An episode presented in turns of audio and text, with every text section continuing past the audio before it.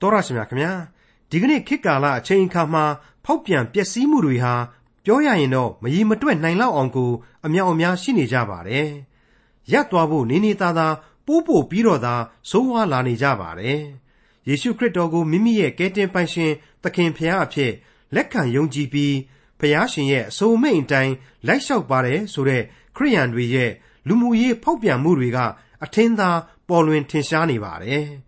အဲ့ဒီလိုလူမှုရေးဖောက်ပြန်မှုတွေကို အမြင်သစ်လို့အမိပေးပြီးသဘောကျအထင်ကြီးနေကြတာကလည်းအထင်ရှားပါပဲ။အဲ့ဒီလိုဖြောက်မှတ်တည်ကြည်တဲ့သူတွေနဲ့မတရားတဲ့သူတွေဒွေရောရှက်တင်အသက်ရှင်နေကြရတဲ့ဒီကဘာကြီးရဲ့လူအဖွဲ့အစည်းအပေါ်မှာ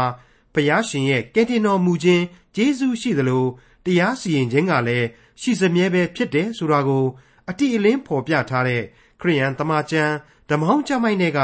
စတ္ထမမြောက်ဆာလံကျမ်းနဲ့တတ္တမမြောက်ဆာလံကျမ်းတို့ကိုဒီကနေ့တင်ပြရတော့တမန်ကျမ်းအစီအစဉ်မှာလေ့လာမှာဖြစ်ပါတယ်။မတရားသောသူကို အစဉ်အမျက်ထွက်တော်မူ၏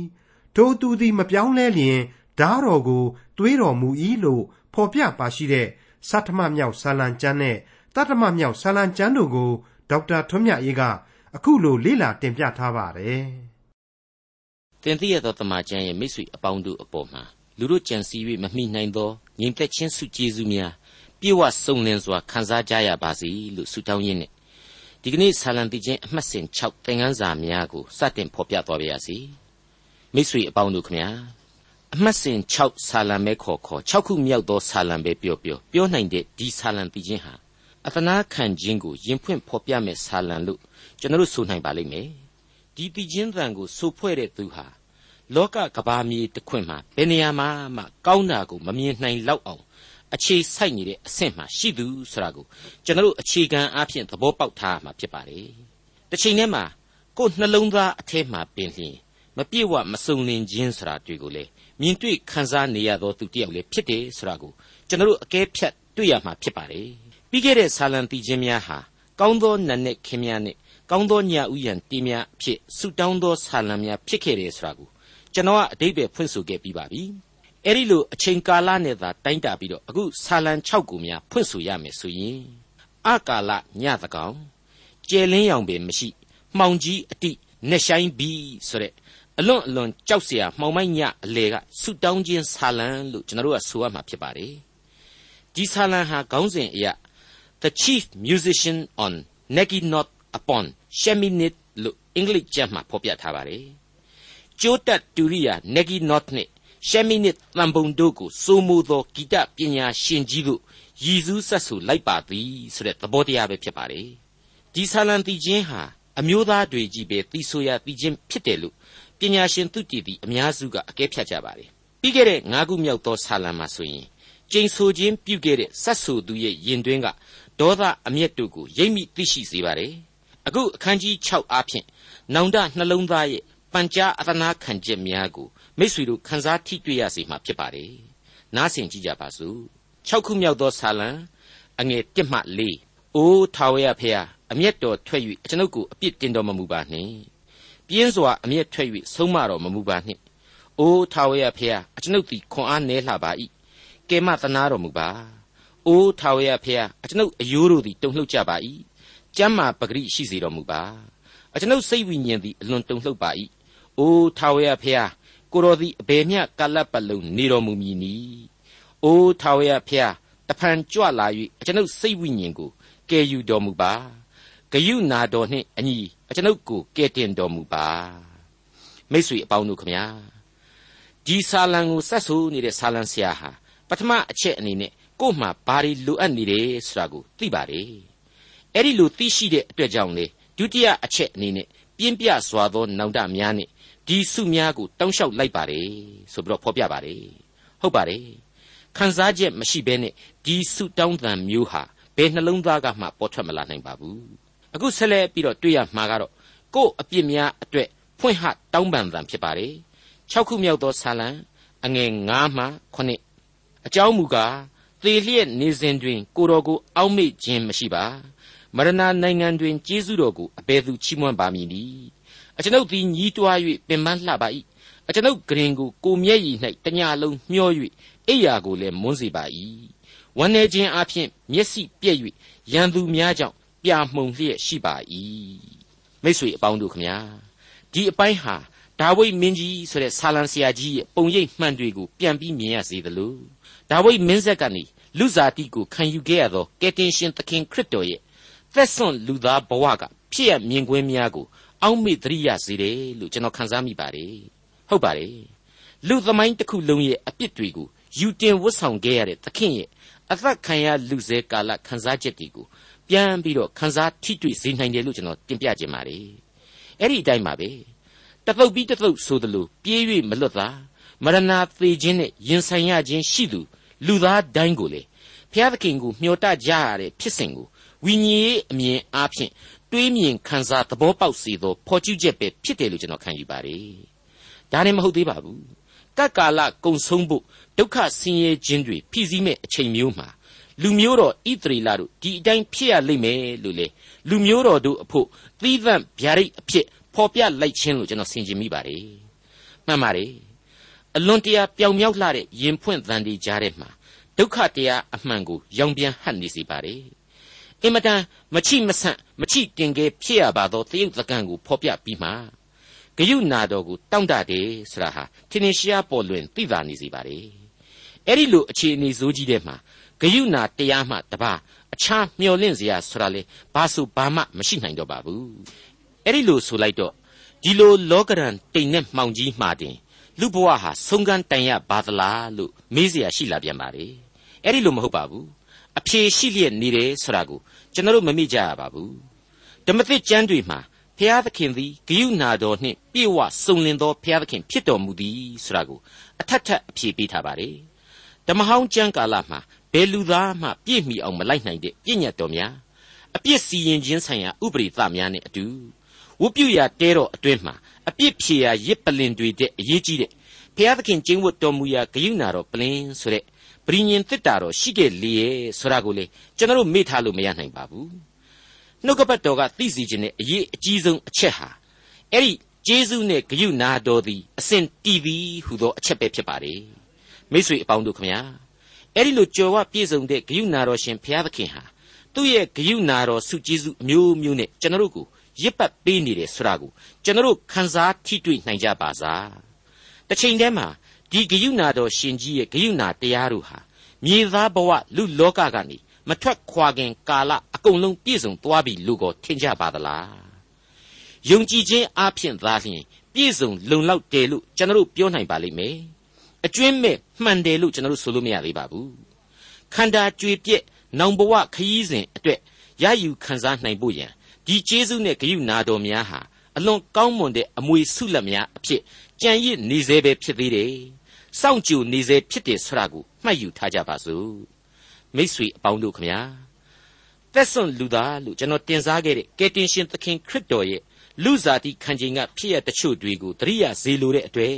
ကျွန်တော်ကြမ်းအချို့ကိုဖော်ပြခြင်းပါတယ်။ဟေရှာယအနာဂတ်ကြမ်းအားဖြင့်ခရစ်တော်ရဲ့လူဘဝကိုအခုလိုကြိုတင်နမိတ်များအဖြစ်တွေ့ရနိုင်ပါတယ်။ဟေရှာယအနာဂတိကျမ်းအခန်းကြီး52အငယ်73မှ15 ကြည့်ရှုလောငါကြွန်သည်အမှုဆောင်၍အောင်လိမ့်မည်ချီးမြှောက်ချီးမြှင့်ခြင်းသို့ရောက်၍အထွတ်အမြတ်ဖြစ်လိမ့်မည်သူသည်လူမဟုတ်တဲ့ကဲ့သို့မျက်နှာပြက်ခြင်းလူသားမဟုတ်တဲ့ကဲ့သို့အစင်းအသရီပြက်ခြင်းရှိသည်ကိုအများသောသူတို့သည်အံ့ဩမိန်မောကြသည်ဖြစ်၍ထို့အတူသူသည်အများသောလူမျိုးတို့ကိုတန်ရှင်းစေလိမ့်မည်ရှေ့တော်၌ရှင်ဘရင်တို့သည်မိမိတို့နှုတ်ကိုပိတ်၍နေရကြလိမ့်မည် သူတပားမပြဘူးသောအရာကို သူတို့သည် မြင်ကြလိမ့်မည်မကြားဘူးသောအရာကိုလည်းနားလေကြလိမ့်မည်ကယ်တင်ရှင်သခင်ခရစ်တော်ရဲ့အသေးခံတော်မူရာအချိန်ကာလအကြောင်းတွေကိုမိษူတို့ခရစ်ဝင်ကျမ်းတွေထဲမှာသေသေးချာနားလေခဲ့ရပြီးပါပြီကြားနာခဲ့ရပြီးပါပြီဒီအကြောင်းတွေကိုပြန်ပြီးတော့ဒီနေရာမှာစဉ်းစားကြည့်နိုင်ပါတယ်အလွန်တရာရှက်ကြောက်ဖွယ်သောဝေဒနာကိုခံခဲ့ရပါတယ်ဘဝရုပ်ပြက်တဲ့အထိ အံ့ဩပွေမတန်တဆလောကဒဏ်ဆင်းရဲခြင်းတွေကိုသူခံယူခဲ့ရရှာပါတယ်အဲ့ဒီလိုသူ့ရဲ့ခံစားရဝေဒနာတို့အားဖြင့်လူမျိုးအပေါင်းတို့ကိုတန်ရှင်းစေခဲ့ခြင်းဖြစ်ပါတယ်ဒါကိုပရောဖက်အပေါင်းတို့ရဲ့အနာဂတ်ကျမ်းများစွာမှာတွေ့ရသလိုဒါဝိမင်းကြီးရဲ့ဝိညာဉ်ရေးအာယုံများဟာလေကန့်ညီနေခဲ့တယ်လို့ကျွန်တော်အကဲဖြတ်နိုင်ပါတယ်မိษွေအပေါင်းတို့ခမညာ69ခုမြောက်သောဆာလံအငယ်1မှ3အတွင်းမှာဖော်ပြလိုက်တာရှိပါသေးတယ် အကျွန်ုပ်ကိုကယ်ယူတော်မူပါဖျားရေသည်အကျွန်ုပ်အသက်ဝိညာဉ်တိုင်အောင်ရောက်ပါပြီခြေနှင်းရမရှိနည်းနည်းလှသောရှွန့်တဲမှကျွံပါပြီလှိုင်းတဘိုးလွှမ်းမိုးရာနက်သောရေတဲသို့ရောက်ပါပြီအော်ဟစ်၍ပင်ပန်းပါပြီလေချောင်းခြောက်ပါပြီအကျွန်ုပ်၏ဖျားသခင်ကိုအကျွန်ုပ်မျှော်ကြည့်၍မျက်စိပြက်ပါပြီအကြောင်းမရှိဘဲအကျွန်ုပ်ကိုမုံသောသူတို့သည်အကျွန်ုပ်သပင်တက်များကြပါ၏ မဟုတ်မမှန်ဘဲအကျွန်ုပ်ကိုရံပက်ပြု၍ဖျက်ဆီးသောသူတို့သည်ခွန်အားကြီးကြပါ၏ထိုအခါအကျွန်ုပ်သည်မယူသောဥစ္စာကိုပင် ပြန်ပေးရပါ၏မိတ်ဆွေအပေါင်းတို့ခမညာကယ်တင်ရှင်သခင်ခရစ်တော်ရဲ့အသက်တော်ကိုစွန့်လွတ်ရခြင်းဟာမယူသောဥစ္စာကိုပေးရခြင်းနဲ့အတူတူပဲဖြစ်ပါတယ်42ခုမြောက်သောဆာလံတီချင်းရဲ့အစမှလေအခုလိုတွေ့ရပါသေးတယ်အဲ့ဒီဆာလံတီချင်းအငယ်3အရာ သူတစ်ပါးတို့ကသင်ဤဖျားသခင်သည်အဘယ်မှရှိသနည်းဟုငါ့ကိုအစဉ်ပြောဆိုကြသဖြင့်ငါမျက်ရည်သည်နင့်ညမပြတ်ငါစားเสียဖြစ်ရ၏ဆိုတဲ့အချက်ပါအစဉ်ပြောဆိုတယ်ဆိုတာဟာအလွန်လေးနက်လှပါတယ်ကကာလကုံဆုံးခြင်းအတိပဂရိလူသားဟာကဲတင်ချင်းကျေးဇူးရဲ့အရှင်ကိုအစဉ်တန်တရားပွားနေမှာအသေးချာပဲလို့တင်ပြလိုက်ပါရစေပြီးတော့တခါ38ခုမြောက်သောဆာလံတီချင်းအရာ အကျွန်ုပ်အသက်ကိုရှာသောသူတို့သည်ကြော့ကွင်းများကိုထောင်ထားကြပါ၏အကျွန်ုပ်၏အပြစ်ပြုခြင်းအခွင့်ကိုရှာသောသူတို့သည်တနေ့လုံးမနာလိုသောစကားကိုပြောဆို၍မကောင်းသောပရိယေကိုကြံစီကြပါ၏ဆိုပြီးတော့ဖော်ပြထားပါတယ်တမန်တော်ကြီးရှင်ပေတရုဟာသူ့ရဲ့ဩဝါဒစာပထမစာဆောင်အခန်းကြီး2အငယ်24အရာငါတို့သည်အပြစ်နှင့်ဆိုင်သောအရာ၌အသေးဖြစ်၍ဖြောင့်မတ်ခြင်းအရာ၌အသက်ရှင်စေမည်အကြောင်း ငါတို့အပြစ်များကိုကိုတော်တိုင်တစ်တိုင်မှခံတော်မူပြီဒဏ်ချက်တော်များအားဖြင့်သင်တို့သည်အနာပြောက်လျက်ရှိကြ၏ဆိုပြီးတော့ဖော်ပြထားပါတယ်ဒီတော့ကယ်တင်ရှင်သခင်ခရစ်တော်ရဲ့ဒဏ်ရာဒဏ်ချက်တွေဟာဘလောက်များပြားခဲ့တယ်ဆိုတာကိုဒီကျမ်းအားဖြင့်ရှင်းရှင်းကြီးတွေ့ရပါတယ်ရှင်ပေတရုဟာကရာနီကားတိုင်းအနီးမှာအနီးကပ်စောင့်ကြည့်နေခဲ့လို့အခုလိုဖော်ပြလိုက်တာပဲလို့လေကျွန်တော်တို့တွေးဆနိုင်ပါတယ်မိษွေအပေါင်းတို့ခမညာ ဆာလံဆရာရဲ့တာမန်ခန်းစားရလူသမိုင်းအမြင်တွေတဲ့ထူးခြားနေတဲ့ယူပါယုံမြင်ကွင်းတို့ဟာအလွန်အလွန်မဟာဆန်လှတဲ့မိကွန်ကြီးတစ်ခုကိုထုတ်ဖော်လိုက်တာကိုမမေ့ကြပါနဲ့၆ခုမြောက်သောဆာလံအငယ်၅တဲ့ကမိကွန်ကလေးပါမရဏနိုင်ငံတွင်ကျေးဇူးတော်ကိုအဘယ်သူချီးမွမ်းပါမည်နည်းဆိုတဲ့မိကွန်းပါပဲ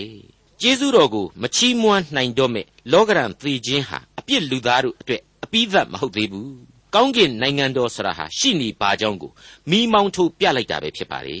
အဲ့ဒီကောင်းကင်နိုင်ငံတော်အမွေကိုခံရစေဖို့အတွက်ကယ်တင်ရှင်ဟာလူသားအလုံးအဖို့ဖြောက်မှတ်ခြင်းအရာ၌အသက်ရှင်စေမည်အကြောင်းဒဏ်ချက်များကိုခံလျက်အသက်တော်ကိုစွန့်လှူသွားခဲ့ရရှာပါတယ်အဲ့ဒီစွန့်လှူခြင်းဆိုတဲ့ဂရုဏာကြောင့်သာလေကိုတို့လူသားများခံစားရလောကရန်အမှောင်မိုက်တို့ကို မရှောင်မတိန်နိုင်သည့်တိုင်အောင်အသက်လန်းသေးဆရာဟာရှိနေတာပဲဖြစ်ကြောင်းမိษွေတို့အားလုံးသိနာလေဖို့ရန်တင်သိရသောတမန်ကျမ်းမှဆုတောင်းမေတ္တာပို့သလိုက်ပါရစေ၆ခုမြောက်သောဆာလံအငယ်၈နဲ့၉မတရားသဖြင့်ပြုသောသူအပေါင်းတို့ငါထံမှဖယ်သွားကြငါငိုကြွေးသံကိုထာဝရဘုရားကြားတော်မူ၏ငါတောင်းပန်ခြင်းကိုထာဝရဘုရားကြားတော်မူ၏ငါပြုသောပတ္ထနာစကားကိုထာဝရဘုရားနာယူတော်မူ၏ ငါရန်သူအပေါင်းတို့သည်ရှက်ကြောက်၍ဆုံးရှုံးခြင်းရှိကြလိမ့်မည်ချက်ချင်းပြန်ပြန်သွား၍ရှက်ကြောက်ခြင်းသို့ရောက်ကြလိမ့်မည်ဒီဆာလံတီချင်းရဲ့နောက်ခံကြောရိုးကိုကျွန်တော်တို့တွေးဆနိုင်လောက်ပြီလို့ကျွန်တော်တွေးမိပါတယ်စစ်ဤအနိဋ္ဌာယုံများဝိုင်းဝိုင်းလဲနေတဲ့ပုံစံလူအမျက်ဒေါသတို့ရဲ့သဘောကိုဒီနေရာမှာဖော်ပြနေတဲ့ပုံစံလို့ပဲကျွန်တော်ခံယူမိပါတယ်ပြင်းထန်တဲ့ကြိမ်ဆိုသံတွေဖြစ်ပါတယ်တစ်ချိန်တည်းမှာအပြစ်လောကရန်လူသားဖြစ်တာတော့မှန်နေ ဒါပေမဲ့ဘုရားသခင်ရဲ့ဘက်တော်မှာအကျွင့်မဲ့ယက်တီသူအတွက်လေဘုရားသခင်ဟာအဲ့ဒီလူဘက်မှာအကျွင့်မဲ့ယက်တီပေးလိုက်မယ်ဆိုတာကိုသတိပြုစေဖို့ဆာလံတီချင်းဟာရည်စူးဖော်ပြနေပါတယ်ဒါဝိမင်းကြီးဟာကိုယ့်ကိုလိုက်သက်နေတဲ့အခေါင်အဖျားကရန်သူကြီးရှောလူလူဘရင်ကြီးကိုတောင်းမှသတ်ခွင့်ကြုံပါရဲ့နဲ့မသတ်ခဲ့ပါဘူးတကယ်တကယ်သူသာသတ်လိုက်မယ်ဆိုရင်အာနာအစိုးကြီးရတာပေါ့အဲ့ဒါကို तू မသတ်ခဲ့ပါဘူးအဲ့ဒီလိုပါပဲကိုကိုခဲနဲ့လိုက်ပေါက်ပြီးတော့ တတွတ်တွတ်လိုက်ဆဲခဲ့တဲ့ရှိမီလိုလူမျိုးကိုလည်းလက်ဆောင်ခဲ့ပါတယ်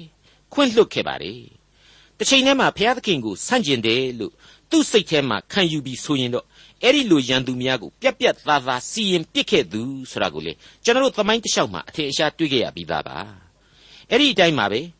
လူကြားမကောင်းသူကြားမကောင်းလို့တဲ့အပြစ်ဒုစရိုက်ကြီးတွေကိုလေဒါဝိမင်းကြီးဘဝမှာကြောက်ခမန်းလိလိလွန်ကျူးခဲ့ဘူးတာပါပဲဘာပဲဖြစ်ဖြစ် နှင်းတောင်ထိပ်ဖြားလို့ဖွေးဖွေးလှုပ်နေအောင်အဝေးကပဲမြင်နေရတဲ့သူ့ရဲ့ယုံကြည်ခြင်းမှတ်တိုင်ကြီးဟာဇာတိပဂရိအပြစ်အမဲစင်းတွေကြောင့်အရေးပျော်ကြမသွားခဲ့တယ်ဆိုတာကတော့အမှန်ပါပဲအဲ့ဒီလိုအပြစ်တွေကြီးကြီးမားမားကျူးလွန်မိလေလေဝိညာဉ်ခွန်အားပြင်းထန်လေလေ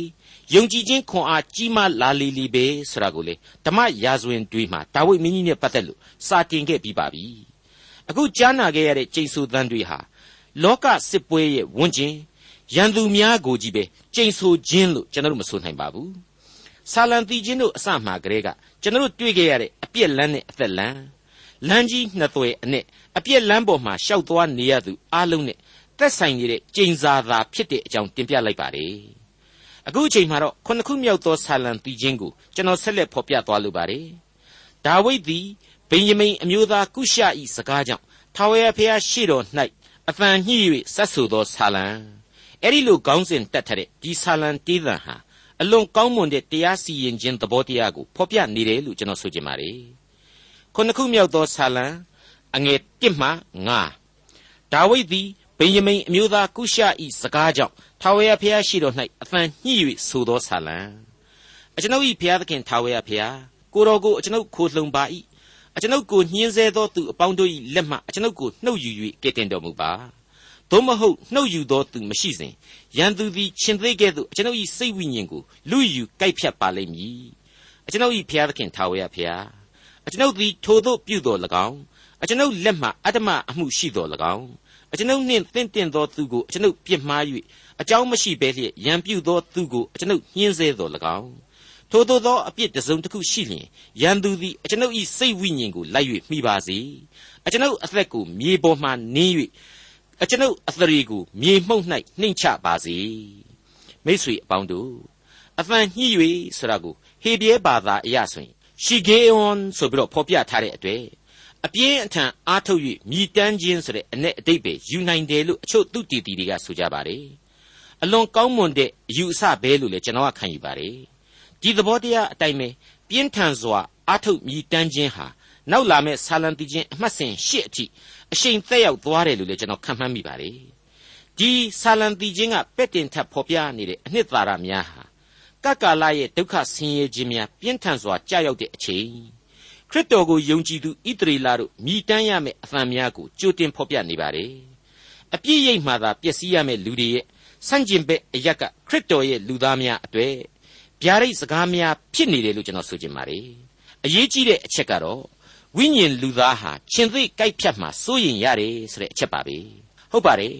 ရှင်ပေတရုဩဝါဒစာပထမစာဆောင်အခန်းကြီး9အငယ်8မှာတမာတရိရှိလျက်မအိပ်ဖဲစောင့်နေကြလောသင်တို့ဤရန်သူကြီးဟုသောမာနသည်ရှင်သေးကဲ့သို့အဘယ်သူကိုမျိုးရမြည်နည်းဟုလှဲ့လေရှာဖွေလျက်ရှိ၏အဲ့ဒီလိုဖော်ပြထားတာတွေ့ရပါတယ်ရှင်သေးဟာစာရမဏတ်ကိုရည်ညွှန်းလိုက်ခြင်းပါပဲခုနှစ်ခုမြောက်သောဆာလံအငယ်6မှ9အိုးထာဝရဖျား အမျက်တော်ထွက်၍ထတော်မူပါအကျွန်ုပ်၏ရန်သူတို့ပြင်းထန်ခြင်းကိုစီးတား၍အားထုတ်တော်မူပါအကျွန်ုပ်အဖို့နိုးတော်မူပါတရားစီရင်ဆုံးဖြတ်တော်မူပါလူမျိုးတို့သည်စီးဝေး၍ကိုတော်ကိုဝန်းရံကြလျက်သူတို့အဖို့မြင့်ရန်အရတ်သို့ပြန်ကြွတော်မူပါ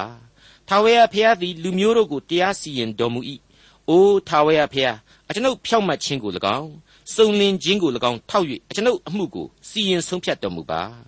မတရားသောသူတို့၏အရမအမှုကိုဆုံးရှုံးစေ၍တရားသောသူတို့ကိုမြဲမြံစေတော်မူပါတရားသဖြင့်ပြုတော်မူသောဖျားကိုတော်သည်နှလုံးနှင့်ကြောက်ကပ်ကိုစစ်တော်မူတတ်ပါ၏စိတ်ဝိညာဉ်ရဲ့ယူပါယုံခံစားချက်များအတိုင်းဆိုဖွဲ့မှုဆရာဟာအထင်သာပေါ်လွင်နေစေပါ रे ဥပမာကျွန်တော်ဆိုရမယ်ဆိုရင်6ခုမြောက်သောဆာလံမှာတော့ကအိုးထာဝရဖျားတဖန်ကြွလာ၍အကျွန်ုပ်ဝိညာဉ်ကိုကယ်ယူတော်မူပါလို့ဆိုခဲ့ပါတယ်အခုအခန်းကြီး9မှာကျတော့ နိုးတော်မူပါဆိုတာကိုထပ်ပြီးတွေ့ရပါတယ်အဲ့ဒီအချက်တွေကို120ခုမြောက်သောဆာလံကြရင်အခုလိုပြောင်းလဲပြီးတွေ့ရပါတယ်သင်ဤခြေကိုချော်စေခြင်းဟာအခွင့်ပေးတော်မမူအကယ်စင်စစ်ဣသရေလအမျိုးကိုစောင့်တော်သူသည်ငိုင်မြီးအိပ်ပျော်ခြင်းရှိတော်မမူဆိုတဲ့အချက်ဟာထင်ရှားနေသလိုထာဝရဘုရားသည်သင်ဤထွက်ခြင်းနှင့်ဝင်ခြင်းတို့ကိုယခုမှစ၍အစင်မပြတ်စောင့်တော်မူလိမ့်မည်လို့ပြက်ပြက်သားသားကြီးတွေ့ရမှာဖြစ်ပါတယ်အဲ့ဒါနဲ့ပတ်သက်ပြီးတော့ နှုတ်ကပတ်တော်ရဲ့ခိုင်မာမှုအပေါ်မှာစောရကမတက်စေခြင်းပါဘူးဆာလံတေးသချင်းတို့ဟာမတူညီသောဂန္ဓများနဲ့စုစည်းထားတဲ့လင်္ကာယသစာပေများပဲဖြစ်ကြပါတယ်ဆုတောင်းခြင်းများမြည်တမ်းခြင်းများကျေးဇူးဂုဏ်တော်များနဲ့ပြည့်ဝနေပါတယ်ရှိခဲ့သောဂန္ဓများအလျောက်လေအကုန်လုံးဟာသူ့အပိုင်းနဲ့သူသဗ္ဗယမျှတတင့်တယ်သောကြမ်းများကြီးပဲဖြစ်ပါတယ် ဝိညာဉ်ရေးအနှစ်သာရတို့ကိုလေသူတို့ရဲ့ဂန္ဓအသီးသီးမှာဂန္ဓအလျောက်အပြည့်အဝဖော်ပြနေတာကြီးပဲလေဖြစ်ပါတယ်လူမျိုးတို့သည်စီဝေး၍ကိုတော်ကိုဝန်းရံကြလျက်သူတို့အဖို့မြင့်ရအရတ်တို့ပြန်ကြွတော်မူပါထာဝရဘုရားသည်လူမျိုးတို့ကိုတရားစီရင်တော်မူ၏ဆိုတဲ့အချက်ဟာအမခန်းလိလိကောင်းမွန်တဲ့ဗျာဒိတ်တော်လို့ကျွန်တော်ဆိုချင်ပါတယ်တိကျပြတ်သားမှုလည်းအလွန်ရှိနေပါတယ်ကျွန်တော်ပြောခဲ့တဲ့အတိုင်းပဲဒါဟာဣသရေလဆိုတဲ့လူမျိုးကိုမဆိုလို့ ကမ္ဘာလူသားများအားလုံးကိုဆိုလိုခြင်းသာဖြစ်တယ်ဆိုတာလေရှင်းရှင်းလင်းလင်းနားလည်သဘောပေါက်ထားဖို့လိုပါတယ်ဒီနေရာမှာအာဗြဟံဆိုတဲ့ဣသရေလတောင်ဘာမှညာမှမသိခင်ကတည်းကတည်ရှိခဲ့တဲ့ပုဂ္ဂိုလ်ကြီးကိုဘုရားသခင်ပေးတော်မူခဲ့တဲ့သစ္စာဂရိကိုပြန်ပြီးတော့သတိရစေခြင်းပါတယ်ကဘာဦးကျမ်းအခန်းကြီး7အငယ်1မှ9သင်အားဖြင့်လေလူမျိုးအပေါင်းတို့သည် ကောင်းကြီးမင်္ဂလာကိုခံရကြလိမ့်မည်တဲ့ဘာကောင်းကြီးလဲဒါဟာစဉ်းစားဖို့လိုလာပါတယ် လူသားအားလုံးနဲ့ဆိုင်တဲ့ကောင်းကြီးကဲတင်ခြင်းကျေးဇူးသာဝရအသက်လံကောင်းကျင်နိုင်ငံတော်အမွေတွေပါပဲမိษွေအပေါင်းတို့အခုလိုလူမျိုးအပေါင်းတို့ဟာကိုတော့ကိုဝန်းရံနေတဲ့အချိန်ကိုတော်ဟာသူတို့အဖို့မြင့်ရအရက်ကိုပြန်ပြီးကြွတော်မူပါထာဝရဘုရားသည်တရားစီရင်တော်မူ၏ဆိုတဲ့အချက်တွေဟာလောကကဘာမြေပေါ်ကနေခရစ်တော်ပြန်လေတက်ကြွခြင်းရဲ့ဗျာဒိတ်ဖြစ်တယ်လို့ဒုတိယအကြိမ်တရားစီရင်ခြင်းကိုလည်းဗျာဒိတ်ပြုလိုက်တာပဲလို့ကျွန်တော်ဆိုချင်ပါတယ် သူတို့အဖို့မြင့်ရအရက်ကိုပြန်ကြွတော်မူပါဆိုတဲ့အချက်ကလေးကပေးလိုက်တဲ့ဝိညာဉ်အသိဟာလေအင်မတန်ကောင်းပါလေကျွန်တော်ဒီအကြောင်းကိုစိတ်စိတ်စဉ်းစားရင်းနဲ့ယင်ထဲမှာစိတ်သွားရလောက်အောင်ခံစားရပါတယ်ကယ်တင်ရှင်သခင်ခရစ်တော်ရဲ့မတိုင်းတာနိုင်တဲ့အနန္တကယ်တင်ခြင်းကျေးဇူးဂရုဏာတော်ဟာသူတို့အဖို့ဆိုတဲ့ဝေါ်ဟာရလေးကြောင့်ကျွန်တော်မတွက်မဆနိုင်လောက်အောင်များပြားသောလူသားတို့ခံစားရဖြစ်လာလိမ့်မယ်လို့ကျွန်တော်တွေးမိပါတယ်ယင်ထဲမှာဒီအတိတ်ပဲကိုကျွန်တော်ရယူမိပါတယ် တစ်ချိန်တည်းမှာသခင်အစီအရင်ကိုလျှော့ပြီးတော့တွက်ဆဖို့မထိုက်ပါဘူးမတရားသောသူတို့၏အရမအမှုကိုဆုံးရှုံးစေ၍တရားသောသူတို့ကိုမြဲမြံစေတော်မူပါဆရာဟာထင်းနေအောင်တွေ့ကြရတဲ့အချက်ပဲဖြစ်ပါတယ်ခုနှစ်ခုမြောက်သောဆာလံအငယ်30မှ16သဘောဖြောင့်သောသူတို့ကိုကယ်တင်တတ်သောဘုရားသခင်သည်ငါ၏အကွယ်အကာဖြစ်တော်မူ၏ဘုရားသခင်သည်တရားသဖြင့်စီရင်သောဘုရားဖြစ်၍မတရားသောသူကိုအစဉ်အမျက်ထွက်တော်မူ၏ ထိုသူသည်မပြောင်းလဲလျင်ဓာတော်ကိုသွေးတော်မူ၏လေးတော်ကိုတင်၍ရွယ်တော်မူ၏သေစေသောလက်နှင့်ကိုလည်းသူ့အဖို့ပြင်ဆင်၍မြားတော်တို့ကိုလောင်စေတော်မူ၏ထိုသူသည်ဒုစရိုက်ဖွာသောဝေဒနာကိုခံရ၏မကောင်းသောအကြံအစီကိုပရိသေယူ၍စိတ်ပြက်ခြင်းကိုဖွားမြင်တတ်၏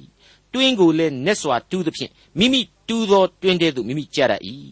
မိမိမကောင်းသောအကြံအစီသည်မိမိခေါင်းပေါ်မှပြန်ရောက်၍မိမိကြမ်းတမ်းသောအမှုသည် မိမိခေါင်းထိပ်ပေါ်မှသက်ရောက်တတ်၏မိษွေတော်တတ်ရှင်အပေါင်းတို့ခမညာ